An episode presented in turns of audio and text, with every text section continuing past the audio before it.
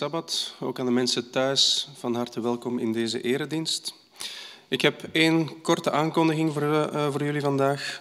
Op 19 maart, binnen drie weken, gaan we nog eens een avondmaalviering hebben in de dienst.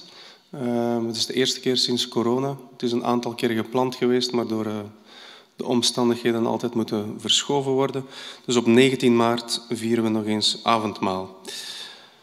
Voor de rest heb ik denk ik weinig te vertellen over de situatie die in, uh, in Oekraïne uh, aan de gang is op dit moment. Ik denk dat iedereen het nieuws wel heeft gevolgd of kunnen volgen. Ik denk dat iedereen het enorm triestig vindt wat, wat, wat er aan de hand is. Ik denk dat we vooral moeten denken aan de mensen die eronder lijden aan beide kanten. We hebben in, in onze gemeente ook um, Russische mensen en Oekraïense mensen, Oekraïense gezinnen. Ik denk, in iedere oorlog is het altijd um, de burger die eronder lijdt, die meestal niet de keuze heeft uh, wat, er, wat er gebeurt. Dus um, mogen we jullie vragen om beide uh, kanten, de burgers, mensen in jullie gebeden en gedachten te, te gedenken in uh, de komende dagen. We zouden hiervoor dan ook graag een minuut stilte houden voor de gebeurtenissen in Oekraïne. Dus uh, graag een minuut stilte en met gedachten zijn met de mensen daar.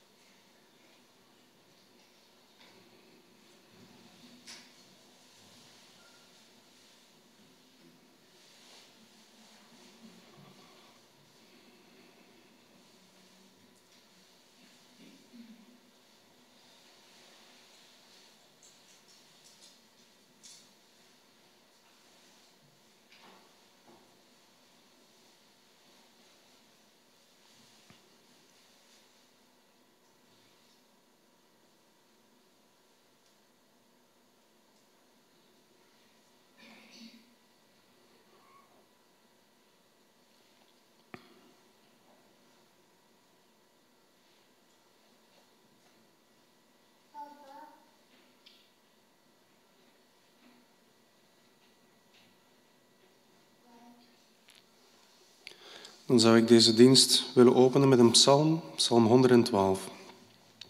Gelukkig de mens met ontzag voor de Heer en met liefde voor zijn geboden. Zijn nageslacht geniet aanzien in het hele land. De oprechten worden gezegend. Rijkdom en weelde bewonen zijn huis en zijn rechtvaardigheid houdt stand voor altijd. Hij straalt voor de oprechten als licht in het duister, genadig, liefdevol en rechtvaardig. Goed gaat het wie genadig en vrijgevig is, wie zijn zaken eerlijk behartigt. De rechtvaardige komt nooit ten val. Men zal hem eeuwig gedenken. Voor een vals gerucht zal hij niet vrezen. Hij is standvastig en vertrouwt op de Heer. Standvastig is zijn hart en zonder vrees. Aan het eind ziet hij zijn vijanden verslagen. Gul deelt hij uit aan de armen. Zijn rechtvaardigheid houdt stand voor altijd. Hij zal stijgen in aanzien en eer. Kwaadwilligen zien het met ergernis aan. Ze verbijten zich en verliezen de moed. Al hun plannen gaan ook op in rook. Laten we de hoofden buigen voor het gebed. Heer, we komen tot u vandaag om te bidden voor de mensen in Oekraïne die afzien door de oorlog, Heer. Die hun huis verloren zijn, die alles kwijt zijn, Heer. Wilt u bij hen zijn, Heer? Wilt u hen laten weten dat u bij hen bent? Dat u hen niet in de steek laat, Heer. We willen ook in het bijzonder bidden voor Igor, een gemeentelid, een bestuurslid uit de federatie, die gisteren vertrokken is naar Oekraïne om zijn moeder en zoon te gaan ophalen, Heer. In deze erge omstandigheden, Heer. Wilt u bij hem zijn, Heer. Maar wilt u ook bij iedereen zijn die familie heeft, vrienden, die in deze omstandigheden alles kwijt zijn, Heer. We denken aan hen, wees bij hen, Heer. Dit is ons gebed vandaag, in Jezus' naam. Amen. Zo, goedemorgen, lieve mensen. Fijn dat jullie weer allemaal aanwezig zijn. We gaan weer samen zingen, dus jullie mogen opstaan. En we hopen dat jullie uh, uit volle borst meezingen om God te eren en te loven.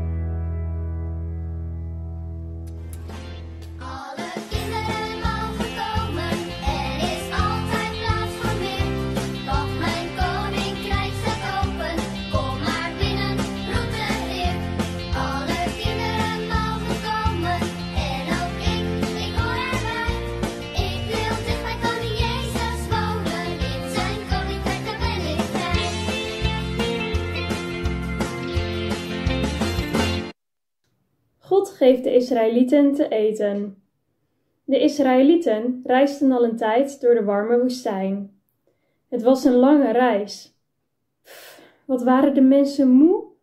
Maar toen gebeurde iets moois. Ze kwamen bij de oase van Elim. Wat was het daar heerlijk bij die waterbronnen. De kinderen konden er fijn in het water spelen.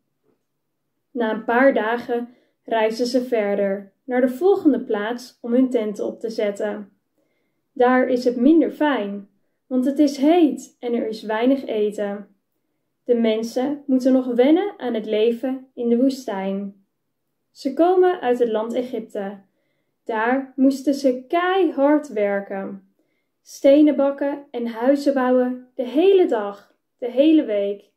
Ze hadden nooit vrij. In Egypte waren ze slaven en de farao was de baas. In de woestijn is het leven anders. De Israëlieten zijn geen slaven meer. Hier zijn ze vrij. Hier hebben ze geen baas en ze hoeven niet hard te werken, want God zorgt voor hen. Maar niet alle mensen zijn blij met het leven in de woestijn. Mozes en Aaron wandelen door het tentenkamp. Ze zijn de leiders en ze vertellen wat er moet gebeuren. Mensen, jullie moeten je tenten inpakken en je kleren en jullie potten en pannen. We gaan weer verder de woestijn in, zeggen ze. Er staan een paar mannen druk met elkaar te praten. Mozes en Aaron gaan naar hen toe. Dag mannen, zegt Mozes, straks vertrekken we. Zijn jullie al klaar met inpakken? De mannen kijken Mozes boos aan. Eerst zeggen ze niets, maar dan zegt een van hen: Mozes, wij zijn kwaad. Kwaad? vraagt Mozes. Waarom? In Egypte hadden we genoeg te eten, zegt de man. We hadden brood en vlees, maar hier niet. Wij willen brood en vlees. Waarom haalden jullie ons weg uit Egypte? Jullie hadden ons beter in het land van de farao kunnen laten. Moeten wij hier in de woestijn soms doodgaan van de honger? Er komen nog meer mensen bij staan. Zij zijn ook boos. Het hele volk moppert op Mozes en Aaron. God hoort dat gemopper ook. Daarom zegt hij tegen Mozes: Ik zal voor brood en vlees zorgen. Vanavond is er vlees. En vanaf morgen komt er elke dag brood uit de hemel naar beneden. Genoeg voor iedereen. Zeg dat maar tegen de mensen. Mozes en Aaron gaan naar de mensen toe. Luister nu eens goed, zegt Aaron. Jullie klagen en mopperen wel tegen Mozes en tegen mij, maar wij hebben jullie niet uit Egypte gehaald. Dat deed God. Hij wilde niet dat de farao nog langer de baas over jullie zou zijn. God houdt echt veel van jullie. Hij zal voor jullie zorgen. Daarom krijgen jullie vanavond vlees te eten. En morgenochtend komt er brood uit de hemel naar beneden. Dan zien jullie dat God echt van jullie houdt. Die avond vallen er veel vogels tussen de tenten. De mensen kunnen de vogels zomaar oppakken. Wat fijn! Er is vlees voor iedereen. De volgende dag zijn de mensen al vroeg wakker. Nieuwsgierig kijken ze uit de tent. Liggen er warme broodjes op de grond? Nee, ze zien geen broodjes liggen. Maar er liggen wel witte korreltjes op de grond. Het lijkt wel sneeuw. Manna, roepen de mensen. Dat betekent, wat is dat? Kijk, zegt Aaron, dit geeft God jullie te eten. Proef maar, het smaakt een beetje naar honing. Jullie mogen net zoveel manna oprapen als jullie nodig hebben. Er is genoeg voor iedereen. Doe het manna maar in een pot of in een zak. Elke dag kunnen jullie manna oprapen. Je kunt er lekkere koeken van bakken en je kunt er ook pap van maken. Vanaf nu zullen jullie geen honger meer hebben. Maar pak alleen wat je op dezelfde dag nodig hebt. Want als je het tot de volgende dag bewaart, dan gaat het sneller stinken en dan zitten er wormen in. Maar als het vrijdag is, op de zesde dag van de week, dan moeten jullie twee keer zoveel manna oprapen. De helft daarvan kunnen jullie op vrijdag eten. Eet er maar lekker van. De andere helft van het manna is voor de zevende dag. Dan is het sabbat. Want op de sabbat ligt er geen manna op de grond. Dan hoeven jullie niet vroeg op te staan. Dan kunnen jullie uitrusten.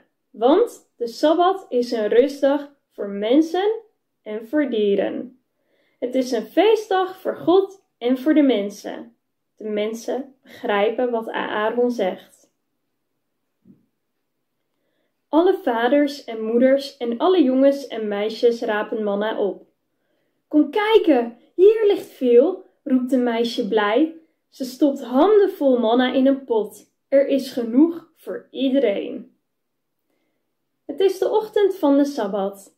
Een jongetje en zijn zusje rekken zich uit.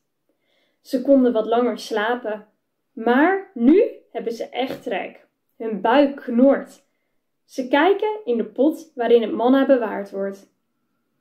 Mama, we hebben dit manna toch gisteren opgeraapt? Kunnen we het vandaag dan nog wel eten? Vragen ze. Ze ruiken eraan, maar het stinkt niet. En ze zien, uh, ze zien er ook geen wormen in. Ja, legt moeder uit, dat kunnen we echt opeten. Dat heeft God gezegd. Kijk maar, op sabbat is een manna heerlijk vers. Daar zorgt God voor. Maar sommige mensen luisteren niet naar Mozes en Aaron. Ze gaan toch op de ochtend van de Sabbat naar manna zoeken. Ze zoeken overal, maar nergens liggen er mannakorreltjes. Ze zijn teleurgesteld. Hadden ze maar goed geluisterd. Dan zegt Mozes: Aaron doet twee kilo manna in een pot. En bewaar die pot voor altijd. Dan weet ons volk later nog dat God goed voor ons zorgde in de woestijn. Zo, kinderen, hebben jullie begrepen dat Sabbat een speciale dag is? Ja, hè? En we hebben Sabbat van God gekregen. We gaan nu met jullie een liedje zingen, want straks gaat de preek over de Sabbat.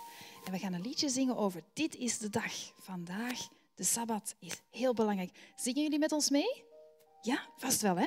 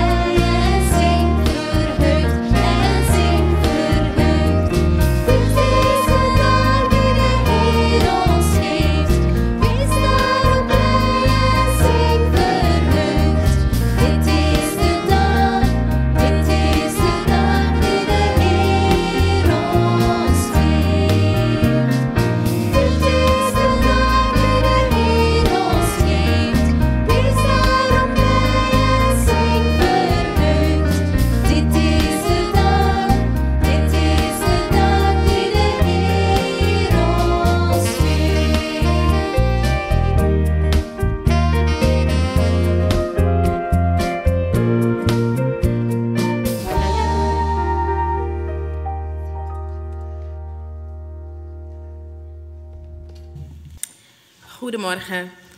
De schriftlezing van vandaag komt uit Exodus 16, eh, vers 22. Het luidt als volgt.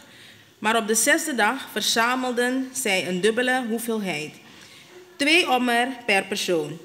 De leiders van het volk kwamen, bij dit, kwamen, kwamen dit bij Mozes melden. Mozes zei tegen hen, de Heer heeft dit bepaald. Morgen is het een dag van rust, een heilige Sabbat ter ere van de Heer. Bak of kook daarom wat u wilt klaarmaken en bewaar wat er overblijft tot morgen. Ze lieten, dus iets over voor de volgende dag, zoals Mozes had opgedragen. Nu stonk het niet en zaten er, er, en zaten er geen wormen in. Dit moet u vandaag eten, zei Mozes, want vandaag is het Sabbat een rustdag ter ere van de Heer.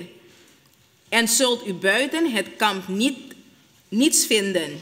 Zes dagen kunt u voedsel verzamelen, maar de zevende dag is het Sabbat. Dan is er, dan is er niet. Toch gingen sommigen ook op de zevende dag op zoek, maar ze vonden niets.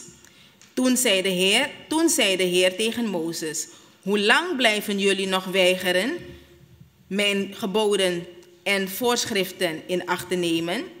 De Heer heeft jullie de Sabbat gegeven En daarom geeft hij jullie op de zesde dag voedsel voor twee dagen. Laat ieder dus op de zevende dag blijven waar hij is. Niemand mag dan het kamp verlaten. Toen hield iedereen op de zevende dag rust. Het volgende schriftlezing komt uit Marcus 2, vers uh, 23. Eens liep hij op een sabbat tussen de korenvelden door. Zijn leerlingen gingen de velden in en begonnen aren te plukken. Kijk eens, zei de fariseeën tegen hem. Waarom doen ze iets dat op sabbat niet mag? Maar hij antwoordde, hebt, hebt u dan niet gelezen wat David deed toen hij, in, toen hij en zijn metgezellen gebrek leden en honger hadden? Hij ging het huis van God binnen. Abiatar was toen hoge priester en at van de, van de toonbroden, waarvan alleen de priesters mochten eten. En hij gaf ze ook aan zijn mannen te eten. En hij voegde eraan toe, de Sabbat is er voor de mensen en niet de mensen voor de Sabbat. En dus is de mensenzoon ook Heer en Meester over de Sabbat. Laten de woorden van mijn mond u behagen, de overpeinzingen van mijn hart u bekoren, Heer, mijn rots, mijn verlosser. Hartelijk dank voor de schriftlezing, ook dank voor het uh, kinderverhaal. Het hoort allemaal bij deze vorm van eren van God op deze Sabbatdag. En u bent hier. En we gaan nadenken over dit thema, de Sabbat, is aan u overgeleverd. De Sabbat ligt in jullie handen. En ja, zoals altijd, laten we ons inspireren door wat de schrift daarover te vertellen heeft. Maar laat me eerst even terug in de tijd, heel lang geleden. Ehm, en eerst heel kort, kort geleden. We hebben onlangs een doop meegemaakt. Uh, onze Claudia heeft zich laten dopen. Johan heeft haar voorbereid op de doop. Ze is gedoopt. En nu is het de periode na de doop. En u weet het, in Matthäus 28, waar Jezus die opdracht geeft, ga naar de volkeren toe, maak leerlingen van hen, doopt hen, ja, en leer hen alles wat ik jullie geboden heb. En dan, dan komt heel duidelijk naar voren dat doop niet een eindpunt is maar dat dat een vervolg is van dat leren van daarvoor. En dat het niet ook een afsluiting is, maar ook een begin van het verder leren daarna. En zo moet ik eigenlijk uh, aangeven dat ik dat uh, heel erg belangrijk vind. Leren ervoor, leren erna. Jezus heeft een leergemeenschap gesticht. Al diegenen die leerlingen van hem willen zijn, die willen continu leren, permanent leren in hun leven. Ja, en dit is zo belangrijk, want bij een doop, dan zit het allemaal nog erg fris in het hoofd en in het hart. En ben je er helemaal vol van. Maar ja, hoe gaat het dan daarna? En zo denk ik even aan heel lang geleden wat ik uh, zelf uh, mee heb gemaakt. Want uh, ja, ik, ik ging op mijn negentiende naar Frankrijk. We hadden daar een opleiding voor predikanten. Dat heette toen seminarie, nu is dat een faculteit. En ik moet jullie zeggen, ik was net gedoopt. Twee dagen later zat ik daar en ik kreeg een cultureel-sociale schok. Het was een onderdompeling in een totaal ander leven. Um, André Lutters heeft mij uh, het ABC van de Bijbel geleerd. Waaronder natuurlijk ook de Sabbat. Ja, en uh, ik ben daar nog altijd erg blij mee, want dat is nu al pakweg, uh, even gaan rekenen, hè, 58 jaar geleden. En dan is het Broeder Leconte, dat was de predikant toen. André was nog de hulppredikant. En heeft mij dan gedoopt en dan ben ik daar in, in Frankrijk terechtgekomen. Maar ik kwam uit een niet-Adventistisch gezin, zoals de meesten al weten. Dus ik had nooit geleerd wat het was om Sabbat te vieren. Ja, wel eens als ik uitgenodigd werd. Of als ik aan een kamp meedeed, een jeugdkamp. Maar echt zo de hele week doorbrengen, gericht op die Sabbat. En dan ja, die voorbereiding van die Sabbat. Beleven van de vrijdagavond, de Sabbatavond. Dan Sabbatochtend, ik kon niet naar de kerk komen, want ik moest naar school. Alleen in de vakanties kon ik daar dan even van proeven. Maar oké, ik wist dus niet echt hoe het allemaal in zijn werk ging. En dan kom ik daar in een gemeenschap met zicht op Genève, prachtig streek. Ik eh, raad jullie aan om daar eens naartoe te gaan. En de jongeren gaan daar Frans leren of uh, gaan wat theologie doen enzovoort. Het is eigenlijk een, een, een, uniek stukje natuur, een unieke ligging daar aan de voet van, van de berg de Salève. En dan kom ik daarin terecht en wat gebeurt er? Elke dag avondwijding, een stuk uit de Bijbel, daarover gepreekt.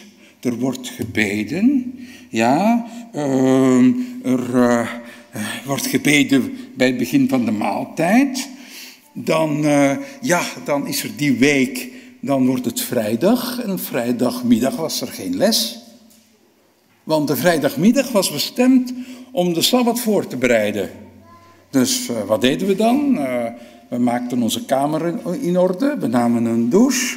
Ja, uh, soms gingen we eerst nog even boodschappen doen. En dan, ja, de, de netste kleren die we hadden. Nou, niet veel geld toen, maar je nam je beste kleding en je ging naar de eetzaal. En daar bij de eetzaal, ik zat bij de studenten, de, de jongens. Dan zagen al die meisjes daar ook in prachtige kleding. De een al knapper dan de ander. En het was gewoon een hele ja, feestelijke sfeer. Door de week in de eetzaal werden wij aangewezen waar we moesten gaan zitten. Want 28 nationaliteiten en de school, de directie, wilde dat wij als studenten met alle andere studenten in contact kwamen. En dat niet de Amerikaanse studenten, er waren er flink wat, al heel de tijd Engels met elkaar spraken, maar dat ze Frans moesten spreken, want ze waren daar op school om Frans te leren. Uh, dat niet alle Belgen bij elkaar gingen zitten en dan uh, lekker uh, lachen en lawaai maken. nee, je werd aangewezen. Dus als je een vriendin had of een vriend had, mocht je het vergeten, je kon er niet bij gaan zitten. Dus, maar vrijdagavond wel, dan mocht je gaan zitten waar je wilde. En wij Belgische studenten, en er waren toen nogal wat met een paar Nederlandse studenten, wij schoven twee tafels aan elkaar en daar dan uh, was het feest en we praten. Ja, uh, en uh, wij Vlamingen begonnen ons een beetje aan te passen aan die twee Hollanders die er waren, Hans Jonkind en Thea, in het derde jaar. En ja, er was dat was bekend. De Belgen die zaten altijd te lachen. Dus dat was een, mooi, was een mooie beleving. Ja? En dan, ja, daarna ging je naar je kamer. Uh, uh, nadat je even een bezoek had gebracht aan de kerk. Want er was een kerkdienst met veel muziek, met jongeren. En je sloot daar de week af om de Sabbat te beginnen. Op Sabbatochtend naar de kerk, Sabbatschool werd meteen ingedeeld om mee de jongeren les te geven, alhoewel ik nog niet zoveel kende natuurlijk. Ja, en dan de eredienst met zang, gebeden en prediking. Ja, en dan, ja, net zoals op vrijdagavond, de sabbatmiddag, de maaltijden waren subliem. Er werd heel duidelijk een verschil gemaakt tussen de maaltijden die we door de week hadden en de maaltijden op vrijdagavond en sabbatmiddag. Het was echt feest en smiddags relaxen. Sommigen gingen hun siesta doen, ontspannen. Uh, samen met een aantal anderen gingen wij de berg op. Natuurwandeling, een beetje flink uh, energiek bezig zijn. En ik heb dat allemaal moeten leren.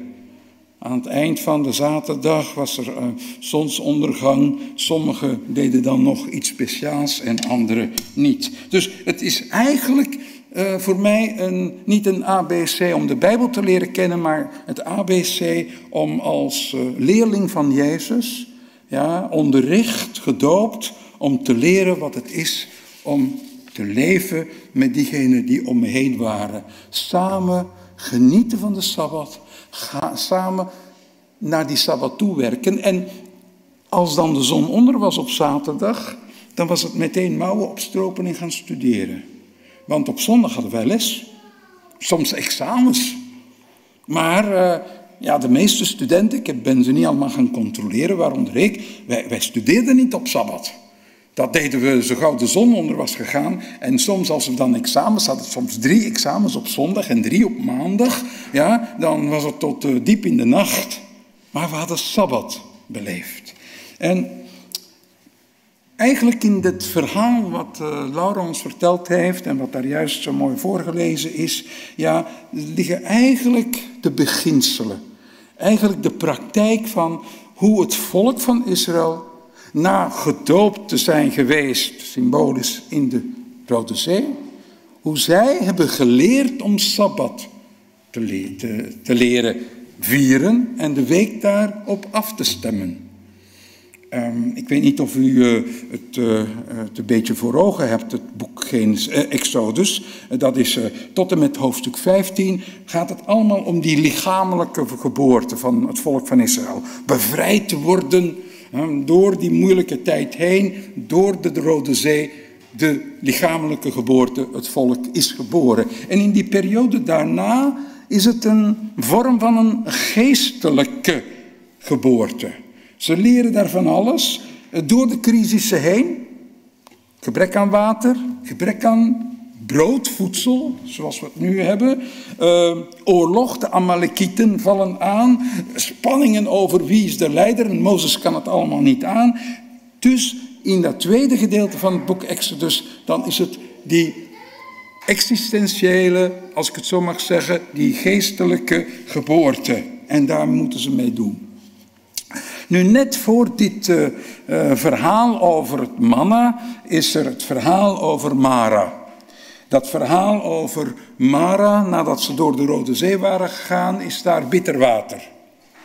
En uh, ja, we hebben het daar wel eens over gehad. Uh, waarom was daar bitter water? Waarom had God niet zegen op zegen uh, laten beleven? Nee, bitter water. Omdat ze gewoon al de eerste stap niet hadden gedaan onder leiding van Mozes. Om drie dagen de woestijn in te reizen en daar God te offeren te, loven en te prijzen, want dat had God gezegd. Ga naar Farao, ja, en laat ons drie dagen de woestijn dan gaan we offers bieden aan onze God. En ja, uiteindelijk, Farao heeft zich verzet, maar is het toch gelukt. Maar als ze dan drie dagen verder zijn, dan doen ze het niet. En daarom krijgen ze die ervaring van dat bittere water.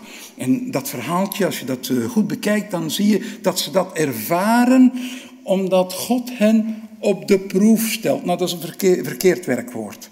Op de proef stellen, dat heeft iets negatiefs. Maar het is gewoon testen, toetsen. Zoals je op school een test krijgt om te zien waar je bent en waar je iets van kunt leren. Als je het uh, niet goed hebt gedaan, dan weet je waar je uh, ja, tekort bent geschoten en kun je er wat aan doen. Dus dat leren ze daar en daar geeft God inzettingen, verordeningen, richtlijnen om niet ziek te worden, om niet te vervallen in een Egypte-toestand. En ze gaan uh, verder. En ze komen bij Elim en daar hebben ze twaalf waterbronnen en zeventig palmbomen. Enorme zegen, fantastisch. Reden om gelukkig te zijn. En nu zijn ze verder gegaan en ze zijn nu anderhalve maand van de Rode Zee verwijderd. En nu begint het gedonder in de glazen. Ze mopperen, ze klagen. Eh, sommige kinderen, sommige volwassenen, sommige oudere mensen klagen en morren. Hier staat het eigenlijk zelfs een beetje in het teken van rebelleren. Ze zijn niet akkoord, ze protesteren. En als je het verhaal goed leest, dan staat daar heel duidelijk dat werkwoord en dat naamwoord heel centraal. Daar staat daar uh, twee keer rebellie of gemor ja, en dan het werkwoord vijf keer samen, zeven keer wil dat klinken in dat verhaal van ze waren ontevreden, ze mopperden, ze klaagden, ze hadden er genoeg van. God reageert. En God uh, houdt er rekening mee. Is hij nu een God, een vader die ja, uh, zijn volk, zijn kinderen wil verwennen?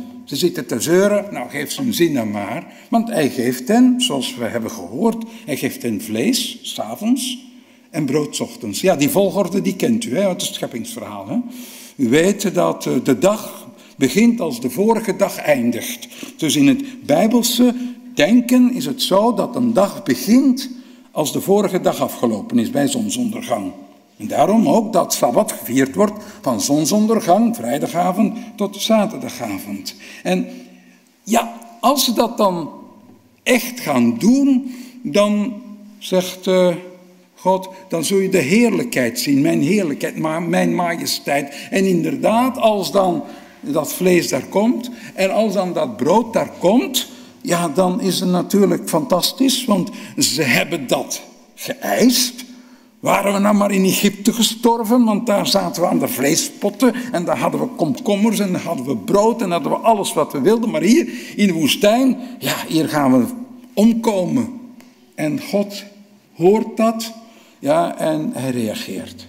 En hij reageert en hij zegt daarbij van, oké, jullie krijgen het. En dan zullen jullie zien. Jullie zullen inzien. Jullie zullen begrijpen. Je zullen weten aan de lijve ondervinden dat ik de Heere uw God ben.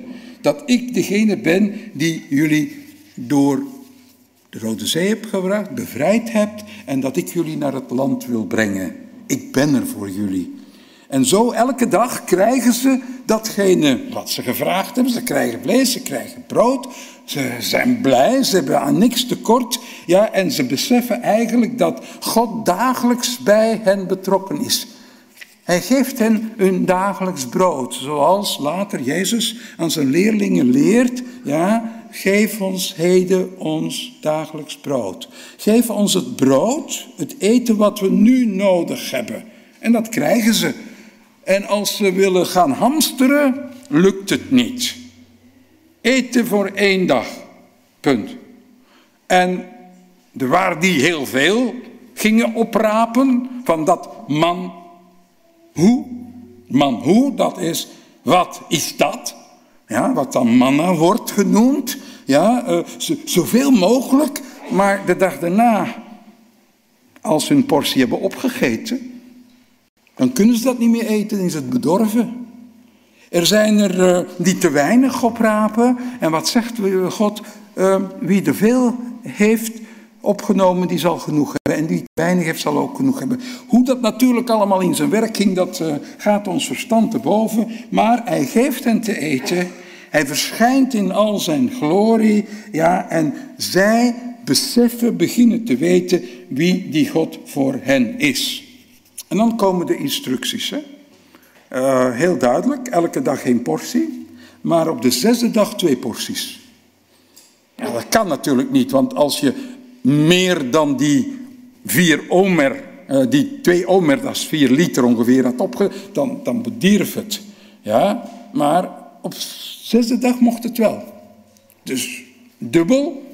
En we hebben dat gezien met die kinderen die ineens beseffen van, hé, hey, het is niet slecht geworden. Ja, uh, wat is de bedoeling? Dubbel werken op vrijdag. Niet werken op de zevende dag. Rust, kalmte. Je kan blijven. Je kan gaan en er waren er die gingen, maar die vonden niks. Dus eigenlijk heeft God hier duidelijk het volk geleerd wat het is om Sabbat te vieren. Wat het is om de week door te brengen. En eigenlijk zijn er drie soorten dagen. De eerste tot en met de vijfde dag. Die zesde dag hè, is anders. Dubbel druk. In de kindersabbatschool hebben onze kinderen geleerd van hè, uh, vrijdag is een drukke dag. Ja, voorbereiding op de Sabbat en op Sabbat gewoon uitrusten. God doorbreekt de wetten van de natuur.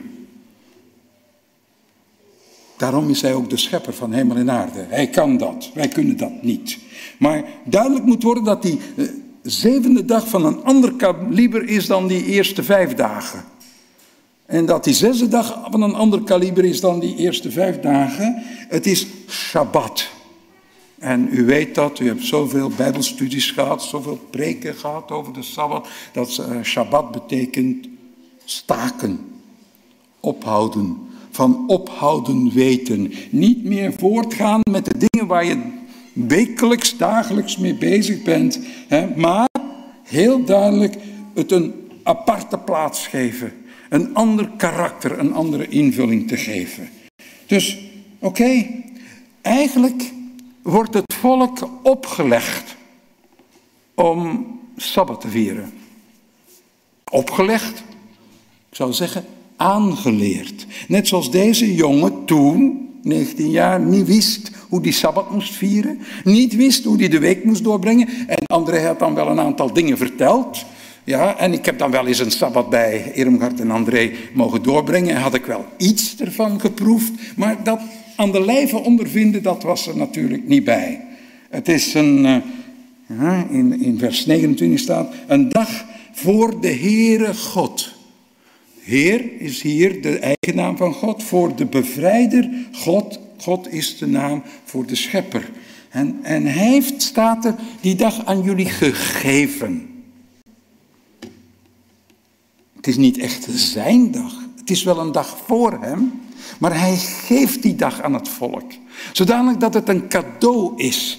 En ja, als je een cadeau krijgt, dan kun je ermee doen wat je wil. En iemand die het cadeau aanvaardt en er niks mee doet, oké. Eigenlijk blijft heel duidelijk hier, het is aan jullie gegeven, maar, en ik hoop, ik uh, spoor jullie aan om dat cadeau aan te pakken en daar de waarde van in te zien. En om dan, heel concreet, het kamp niet te verlaten, uh, niet te gaan rapen, maar gewoon rust te nemen. En als daar staat dat het een is voor de Here en daarna het is aan de mens gegeven, hebben de rabbijnen natuurlijk hele discussies gehad. Ja, maar is het nu een dag voor God of is het nu een dag voor de mens? En op zijn rabbijns, op zijn joods, zijn ze er altijd uitgekomen. Het is gewoon 50-50. De helft voor God en de helft voor de mens. Ja, kijk maar naar, en nog altijd de Joodse praktijk van vandaag. De zon gaat onder, de vader en de zoontjes. Eh, Pieter zou met eh, eh, Daniel naar de synagoge gaan. Ja, en Nora zou met Chucky thuis blijven. En alles klaar hebben tegen dat vader en zoon thuiskomen. En dan is het aan de moeder ja, om de kaarsen aan te steken. En om de, de bruid van God, de zevende dag, om die te verwelkomen. Heel bijzonder gebeuren. Ja, uh, zo is er dat uh, prachtige rabbijnse verhaal. En uh, misschien hebben jullie het al eens gehoord. Eh, van bij de schepping is de zevende dag helemaal niet blij. En dat kan in rabbijnse verhaaltjes kan dat. Hè? Je hebt altijd een diepgang. Maar ja, ze zijn amusant. amusant hè? De, de zevende dag, dat is die middelste daar, de kandelaar, die doet zijn beklag bij God. Ik protesteer, ik ben niet akkoord, want de eerste dag heeft een partner, de tweede dag. De uiterste links en de uiterste rechts. En de derde dag en de vierde dag, dat zijn partners. Die hebben elkaar. Denk maar aan de tweede en de vijfde.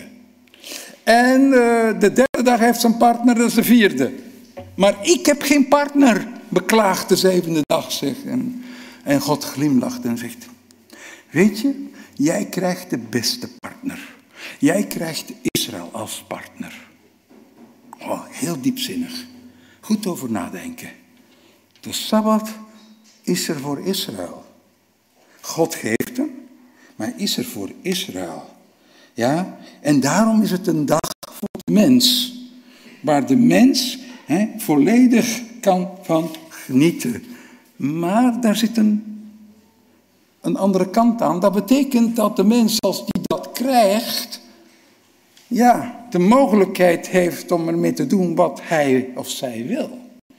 En dat komt uh, uh, op een andere manier heel duidelijk in het verhaal dat daar juist gelezen is over Jezus die door de korenvelden gaat. Echt een kort verhaal, maar oh zo diepzinnig. Het begint met, eens liep hij op een sabbat tussen de korenvelden door en zijn leerlingen, die waren met hem, gingen de velden in en begonnen aren te plukken. En dan zijn er de fariseeën, die zijn ook meegegaan. En ja, ik weet, ik heb dat al een aantal keer herhaald, maar het zit zo diep geworteld in het christendom dat die fariseeën zo'n slechterikken zijn. Maar dat is niet zo. Dat is typisch Joods. Joden die discussiëren met elkaar. Die botsen met elkaar. En die gebruiken soms lelijke woorden naar elkaar toe. Maar eigenlijk zijn het geen slechte mensen. Zij hebben één kwaal. Een kwaal, als je het een kwaal mag noemen, die je bij kinderen vindt. Waarom, waarom, waarom? Die je bij Nederlanders vindt. Waarom, waarom, waarom? En die je bij Joden vindt. Altijd maar vragen waarom. Je zegt iets, ja, maar waarom? Ik, ik, ik, ja, ik heb daaraan moeten wennen toen ik in Nederland ging wonen en we daar kinderen kregen en uh, andere kinderen bezig zag en een volwassene zei iets en dan zei waarom? Waarom? Iedereen moest verantwoording afleggen, maar dat is typisch Joods. In het Jodendom stopt het discussiëren niet. Het gaat gewoon weg door. Waarom? Dus wat zeggen de fariseeën? Hé, hey, waarom doen zij, jouw leerlingen, iets dat op de Sabbat niet mag? Waarom? Ja, dat, dat vraag je namelijk aan een schriftgeleerde, een geleerde van de schrift van de Torah. Ja, soms zeggen ze wetgeleerde, maar in die Torah dat is onderwijzing. Uh, waarom? Waarom? En Jezus is zo een rabbi. Die naam, die titel komt wat later uh, aan de orde, maar hij is de leermeester. Waarom? Waarom? Ja, waarom? Misschien meteen bij het eerste zinnetje. Eens liep hij op een zaal tussen de korenvelden door met zijn leerlingen. Waarom? Waarom? In het Jodendom is het duidelijk, en ook uh, heel vaak in het Adventisme, als je naar de synagoge of naar de kerk bent geweest, dan word je daarna uitgenodigd voor de maaltijd. Dat dikwijls meegemaakt in Nederland, in Australië. Wordt uitgenodigd voor de maaltijd. Samen Sabbat vieren, samen lekker eten. Alhoewel het van land tot land nogal eens verschilt hoe, hoe lekker het is. Maar goed, uh, ja, uh, mogelijk is hij, omdat hij met zijn leerlingen was. Ja, je gaat toch niet zomaar even dertien man uitnodigen bij je thuis. Dus ze lopen door de volken. Waarom? Door de velden. Waar, waarom gaan ze daar aren plukken? Omdat ze natuurlijk honger hadden. Dat doen ze niet voor de lol. En de Torah zegt dat dat mag. Je mag alleen de sikkel niet doorheen halen. Dat niet. Je mag niet gaan oogsten. En dan was er discussie tussen de fariseeën uit Jeruzalem, Judea, en die van Galilea. Uh, bij de ene uh, mocht je het alleen maar met de vingers malen. Bij de andere, in Galilea, mocht je het met de handen doen. Ja, de discussies binnen die gemeenschap, die geloofsgemeenschap. Zoals daar op Collonges in Frankrijk, in die gemeenschap waren ook discussies. En in deze kerk waren ook discussies. Wat mag nu wel op Sabbat en wat mag nou niet? En je mag dat niet, je mag... Lijstje van wat je niet mocht, uh, was redelijk lang toen ik het als uh, 14, 15, 16-jarige, uh, toen ik bij de jeugdbeweging hier was, uh, begon te leren. En ook daarna. het verleden was vooral een kwestie binnen de Adventkerk van dat moet je allemaal en dat mag je allemaal niet op Sabbat. En anders ben je geen goede Sabbatvierder. Ja, oké. Hier, waarom doen ze dat? En dan weer geniaal van Jezus, hè? Hij gaat naar de schrift. Niet ik vind, uh, of die vindt. Nee, hebben jullie dan nooit gelezen wat David doet? Wat David deed toen hij met zijn metgezellen gebrek had en honger hadden. De link tussen de leerlingen die hè, van de graanhalmen nemen en, en, en, en David die de toonbroden aan zijn leerlingen geeft. Hij was in Nop terechtgekomen bij de priester, de hoge priester daar. En hij was op de vlucht voor Saul. En uh, ja, ze hadden honger.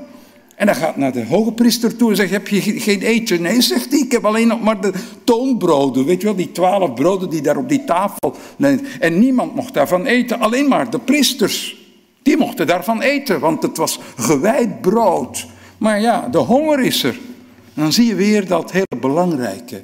Je kunt wel de regels hebben, maar het leven van de mens en het geluk van de mens gaat boven de regels uit. En uh, ja, ze mogen het eten. En dan, want uh, David ging het huis van God binnen. Ik weet niet of het in de voorhof alleen maar is geweest of verder door. Ik denk de voorhof. Want hij mocht niet in het heilige komen. Eh, dat waren de priesters die daar de broden neerlegden. En aan het eind van de dag eh, gingen ze die, dat verdelen. Ja, uh, maar, en dan, en dat is mij vroeger, lang geleden, een keer kwalijk genomen. Dat ik hier in deze zaal heb gezegd van. Ja, Jezus heeft zich vergist. Voor sommige mensen kan Jezus zich niet vergissen, want hij is alwetend, dat kan niet. Maar ja, als je je schrift goed kent, dan maakt hij hier een fout. Of je moet dan zeggen, Marcus heeft het verkeerd opgeschreven, heeft hij iets in de mond van Jezus gelegd. Want dan zegt hij, ja, het was toen Abjatar hoge priester was. Op dat moment is hij die broden gaan vragen, maar klopt niet. In het Samuel-verhalen staat dat dat het Hachimelech was. Achim, mijn broer, Melech is koning. En Abiatar, kent Jezus zijn, zijn teksten dan zo slecht? Natuurlijk niet. Hij is een Jood. En, en, en rabbijnen, die hebben altijd zo van die dingetjes die ze zeggen, die je doen nadenken. Uh, die een link leggen, die uh, het een beetje verder doordrijven. Want, ja, zij hebben honger. De fariseeën zeggen, ja, maar dat kan dat toch niet? Het is Sabbat die gaan daar zitten eten. En dan zegt Jezus, ja maar onder Abjatar. Ab is vader, Jatar is overvloed. Er is een overvloed. Als er een overvloed is, moet je dan honger lijden. Knap van Jezus, hè? dat hij dat eigenlijk naar voren schuift. Uh, je moet hem niet op de puntjes op de i zetten. Dit is echt de manier waarop mensen aan het denken gezet worden. Daar in de woestijn hadden ze honger. In de oorlog heb je honger. Wij hebben geen honger, wij kunnen zo naar de Aldi gaan en de heerlijkheid van al het eten zien. Of Deleuze of Carrefour, kies maar. Ja, maar ja, ze waren daar in het veld en ze hadden honger. En Jezus komt dus op voor zijn leerlingen. Hij deed het zelf niet.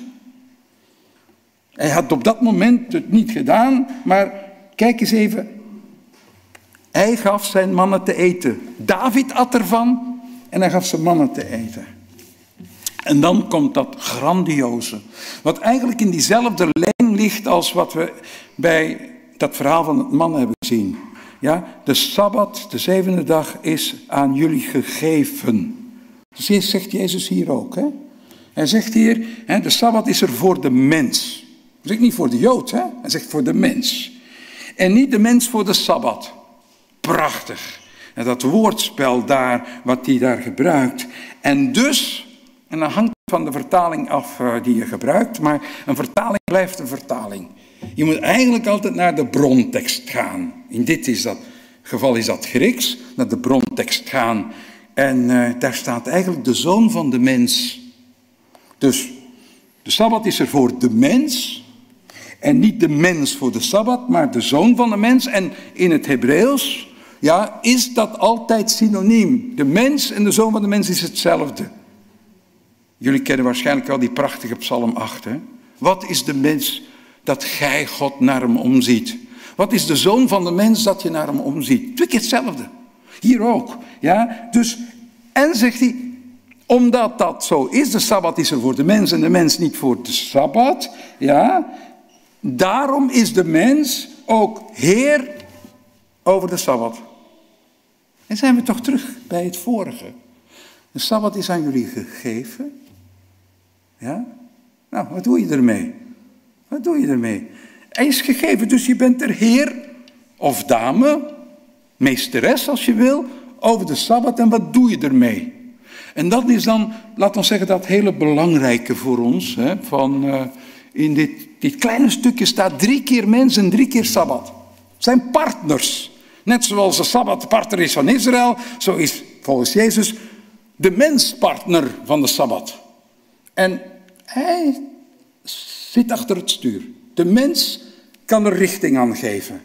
Of kan het doen ophouden en uitstappen. Dat kan. Dat is niet de bedoeling natuurlijk. Hè? Uh, het is heel duidelijk een kwestie van beseffen dat die Sabbat aan ons gegeven is en erover nadenken, wat doe je met dat cadeau? En dan zitten we bij de praktijk. Dan zitten we waar wij nu zijn. Hè? Uh, wij zitten niet meer in de situatie van de woestijn. Dat is voorbij. Ik bedoel dan kort na de doop. We zijn gedoopt, een aantal van ons. En uh, als je daar terug naar koppelt, ja, dan was het allemaal nog zo prachtig en zo mooi. Hè? Je had een gevoel van bevrijding. Er deed, deed je wat. En je had een overtuiging. Hè? En, en dat geloof, van dat gevoel, dat vertrouwen in God hebben, gevoel van overtuiging van ja, dat is het, dat is wat de schrift leert, dat wil ik dan ook, en dat is dan die gehoorzaamheid, dat wil ik dan ook in mijn leven gaan doen. Hè? Dus oké, uh, zich afhankelijk voelen als je gedoopt bent. Weten dat je eigenlijk leeft uit de hand van God. Dat is een prachtig iets, maar velen van ons zijn misschien dat moment vergeten. Ik vraag jullie, of je nou 10, 15, 20, 25, 30, 40 jaar geleden, 50 jaar. Roger, hoeveel jaar geleden is het dat je gedoopt bent? Dat is even terug te koppelen naar dat moment. Dan was je toch niet kapot te krijgen. Dan, dan, dan had je toch zo'n gevoel van, dat is het allemaal. Hè? Je zag de werkelijkheid. Je, je besefte, hé, hey, ik heb God gevonden. Hé, hey, ik heb Gods woord gevonden. Ik kan er wat mee. Maar ja, de situatie in het land, dat is die situatie waar Jezus met zijn fariseeën en met zijn leerlingen onderweg is. Uh, dat is die periode lang na de doop. Intussen zijn ze in het land aangekomen. Ze wonen daar al uh, hele tijd. En die fariseeën en die schriftgeleerden van die tijd, die hadden hun les geleerd. Hè? Want voor de ballingschap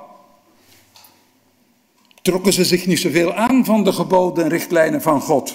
Dan hebben ze die catastrofe meegemaakt daar aan de rivieren van Babel. De ellende, de doden, de deportatie, eh, de vernedering. Het gevoel van God heeft ons verlaten. En ze zijn terug mogen komen. En ze zijn opnieuw kunnen beginnen. En dat was heel duidelijk bij Ezra, Nehemia en alle uh, leiders daarna we mogen die fouten van daarvoor niet meer opnieuw begaan. Dus we gaan de Torah regels, de richtlijnen, de aanbevelingen van God gaan we serieus nemen. En vragen die fariseeën, ja waarom, waarom? En dat is die vraag die we onszelf kunnen stellen. Waarom zitten wij hier vanochtend? Wat doen we hier in de kerk? Waarom uh, ja, doen we het anders dan andere gelovige christenen die niet minder goed, minder waardevol zijn dan wij, maar Waarom doen wij het en morgen gaan er anderen naar de kerk? Waarom doen we het? Eh, in hoeverre beseffen we dat? Of zitten we als zevende dags Adventisten of sabbatvierders een beetje in de sleur? Ja, vorige week, deze week, volgende week.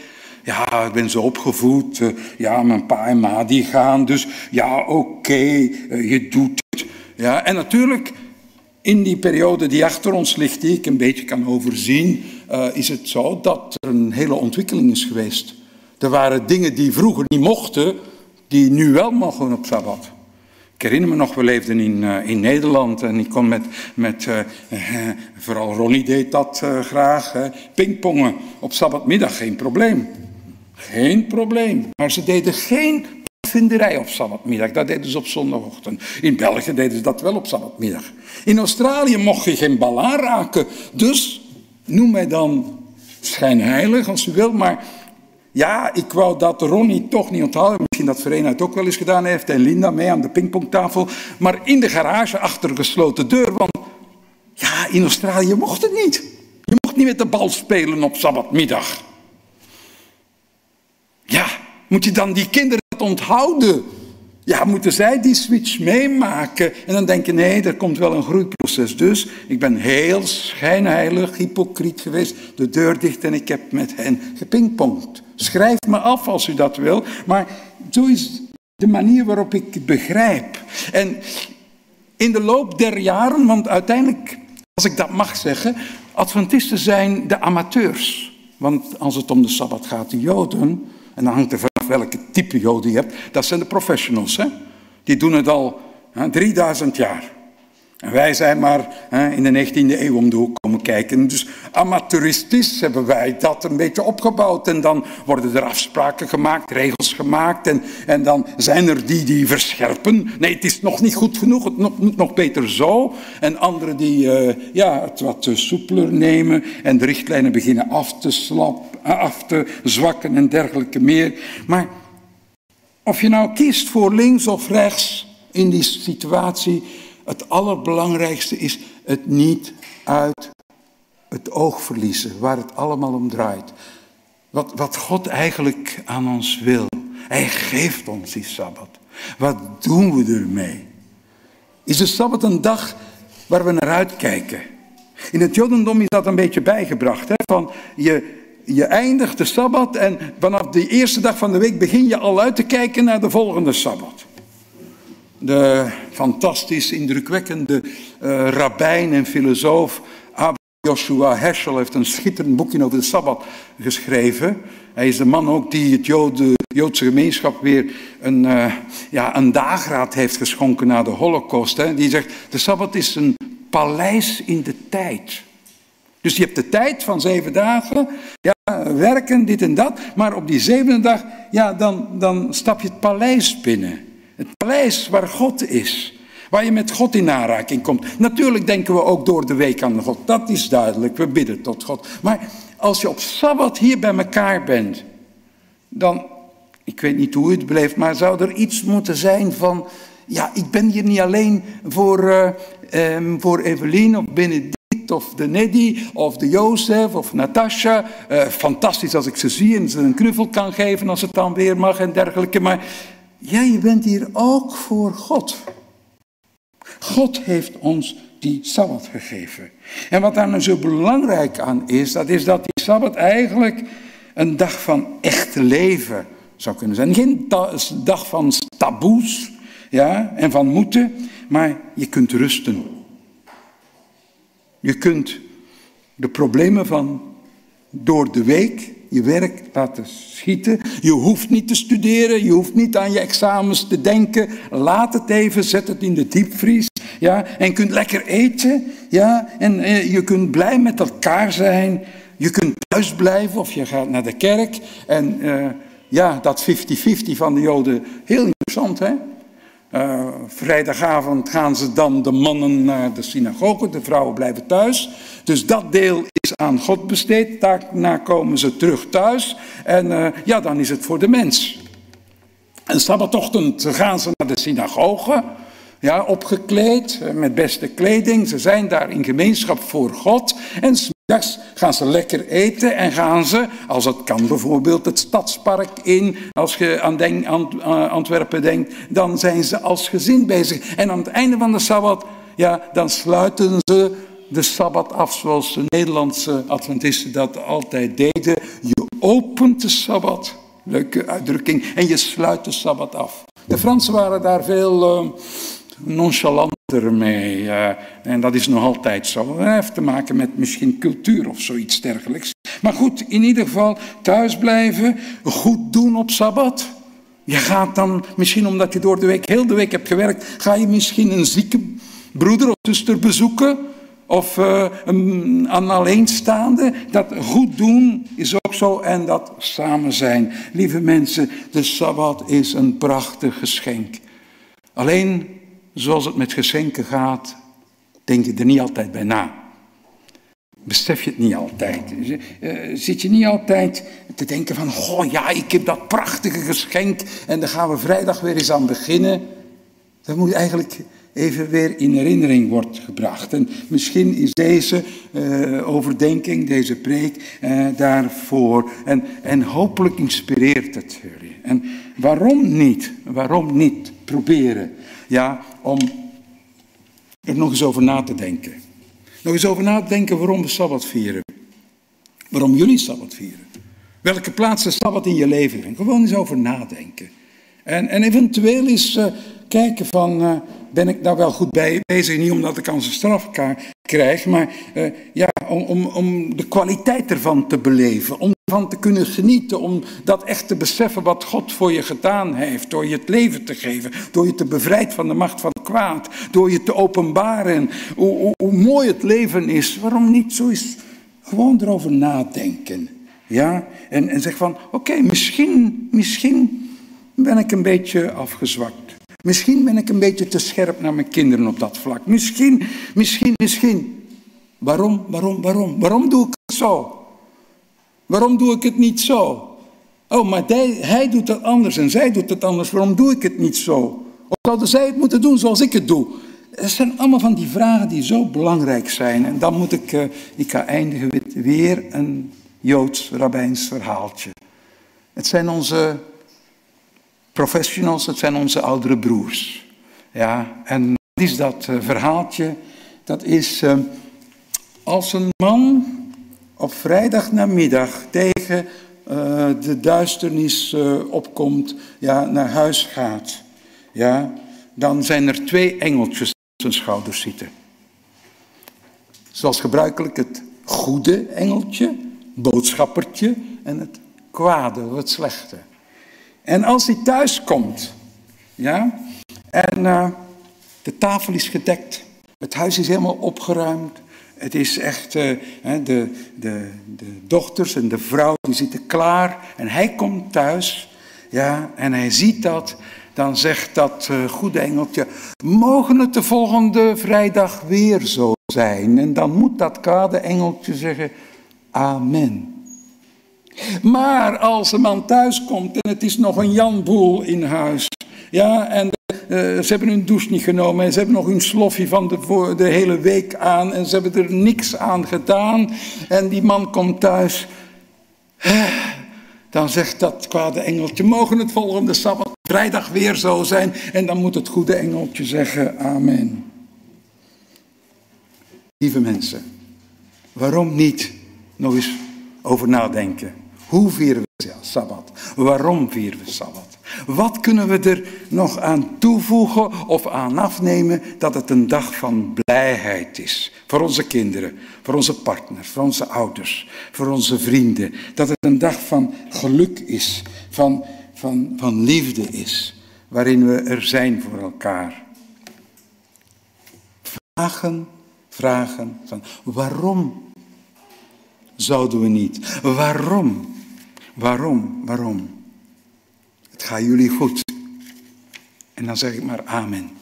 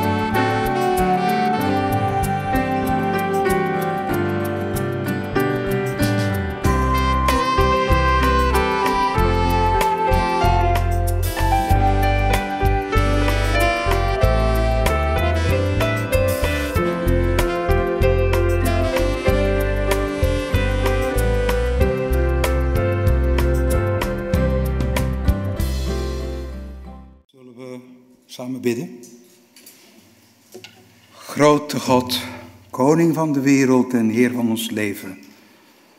Wij willen u danken dat Gij ons de Sabbat hebt gegeven. Uh, als een geschenk, als iets om te koesteren, als iets om waar te maken. En omdat wij mensen zijn, hebben we daar een besef over. Een hond blijft een hond en een plant een plant, een boom een boom. En voor hen maakt de tijd geen verschil. Alleen voor ons. Gij heeft ons zeggenschap over de tijd gegeven. We kunnen onze tijd indelen. We doen dat op allerlei soorten manieren, met onze horloges, met onze elektriciteit, met uh, al datgene wat we ter onze beschikking hebben. En dat betekent, betekent dan dat wij meester zijn over die zevende dag. En misschien beseffen we het niet altijd, maar wij hebben die heerschappij over die zevende dag. Want als we volgende vrijdag namiddag besluiten om geen sabbat in ons leven te laten zijn, dan is het geen sabbat. Besluiten we dat wel, dan kunnen we er iets prachtigs van maken. Dus ja, Heere God, dank u voor dat geschenk. Help ons om er verantwoordelijk mee om te gaan. En niet zozeer omdat het moet, maar omdat het mag en dat het ons tot zegen is. Zo laat God die liefde is jullie dragen met kracht en zegenen met genade. Jullie bewaren voor elkaar en maken tot een huis van vrede voor elkaar. De Heer zal je zegenen en je beschermen. De Heer zal zijn stralend gezicht naar je toewenden en je genadig zijn. De Heer zal zijn blik op jou richten en je vrede geven. Amen.